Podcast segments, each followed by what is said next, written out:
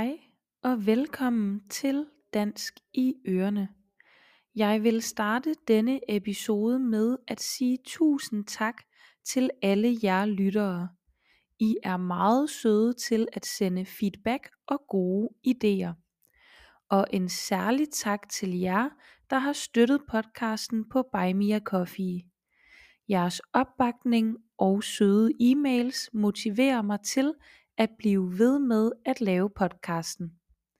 I dag vil jeg fortælle om dansk verdensarv. Du kan finde teksten til episoden på podcastens hjemmeside. Måske har du allerede hørt om UNESCO. UNESCO er FN's organisation for uddannelse, kultur, kommunikation og videnskab. UNESCO varetager blandt andet verdensarvsprogrammet.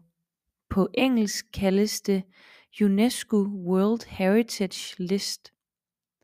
Verdensarvslisten er en liste over monumenter og områder, der er særligt enestående og bevaringsværdige. Det kan både være natur, bygninger, områder og hele byer. Når et sted optages på listen, markerer det at stedet både er betydningsfuldt for befolkningen i det pågældende land, men også for hele menneskeheden. Der er omkring 1100 steder på listen. 11 af disse steder ligger i det danske kongerige. Tre af disse er i Grønland, mens resten er i Danmark. De 11 steder varetages og beskyttes af Slots- og Kulturstyrelsen, der er en enhed under Kulturministeriet.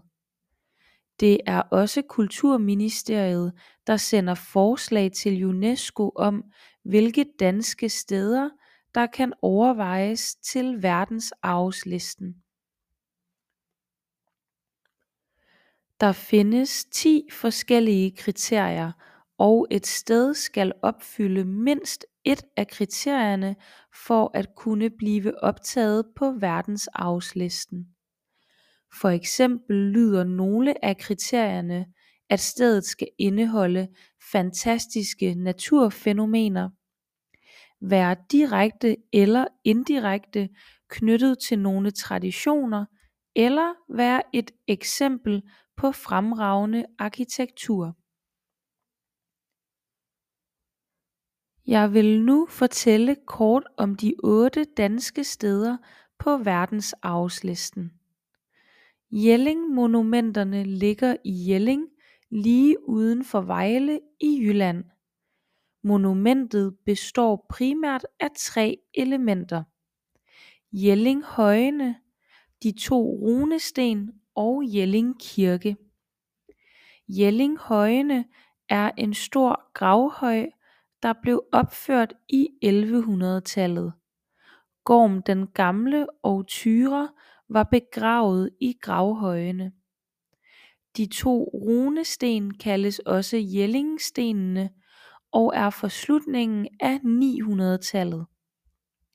Stenene symboliserer overgangen fra den hedenske vikingetid til den kristne middelalder. Jelling Kirke ligger mellem de to runesten. Man mener at kirken blev bygget af Harald Blåtand. Roskilde Domkirke ligger, som navnet antyder, i Roskilde. Det er en af Danmarks vigtigste kirker og den blev bygget i 1200-tallet. Dens arkitektur er i imponerende gotisk stil med røde mursten.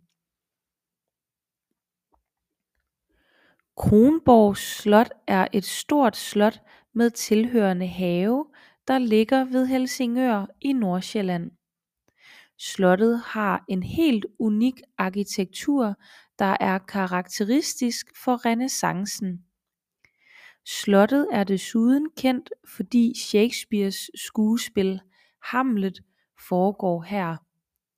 Da slottet har en strategisk placering i Øresund har militæret også tidligere brugt området som kaserne Stevns Klint ligger ved Stevns på Sydøstsjælland. Klinten er 17 km lang og op til 41 meter høj. Klinten indeholder blandt andet et lag fiskeler. Det særlige ved dette lag fiskeler er at det stammer fra da en meteor slog ned i Sydamerika for 65 millioner år siden og skabte død og ødelæggelse på hele kloden. Det er blandt andet dette meteornedslag man mener udslettede dinosaurerne. Vadehavet er en kyststrækning der er en del af Nordsøen og altså ligger ved den vestlige kyst i Danmark. Der er mange særlige ting ved netop denne kyststrækning. Blandt andet kan man plukke friske østers. Danmarks største rovdyr sælen trives særligt godt i dette område og man kan ofte få øje på det nuttede dyr i vandkanten. Der er rigtig mange fuglearter i dette område. Det helt særlige naturfænomen kaldet sort sol foregår i Vadehavet. Her samler stærer sig i enorme flokke og flyver hen over himlen ved solnedgang. Den lille danske by Christiansfeld er også dansk verdensarv. Byen kaldes også for Brødremenighedens by.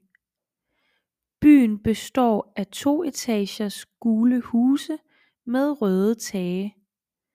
I 1700-tallet var byen centrum for Brødremenighedens liv og arbejde. Byen ligger lige syd for Kolding. Det var en af de første danske byer der blev systematisk planlagt og opført. Parforcejagtlandskabet i Nordsjælland består af Gribskov Store Dyrehave og Jægersborg Dyrehave. Landskabet blev anlagt for at kunne afholde såkaldte parforcejagter Parforcejagt er en særlig jagtform hvor en jagthund jagter byttet indtil det bliver så udmattet at jægeren kan stige ned fra sin hest og dræbe det. Landskabet blev primært udviklet af kong Christian V i 1600-tallet Eremitageslottet ligger også i landskabet og er dermed en del af verdensarven. Den sidste danske verdensarv er fem ringborge fra vikingetiden der ligger fordelt i hele landet. De blev bygget omkring år 970 og er karakteriseret ved deres geometriske design. Ringborgene blev bygget af den danske konge Harald Blåtand. Det var alt for denne episode. Nu nærmer julen sig og derfor vil jeg lige gøre opmærksom på de episoder der handler om jul. Episode 39 handler om danske juletraditioner. Episode 41 handler om danske juleaftenstraditioner. Tak fordi du lyttede med.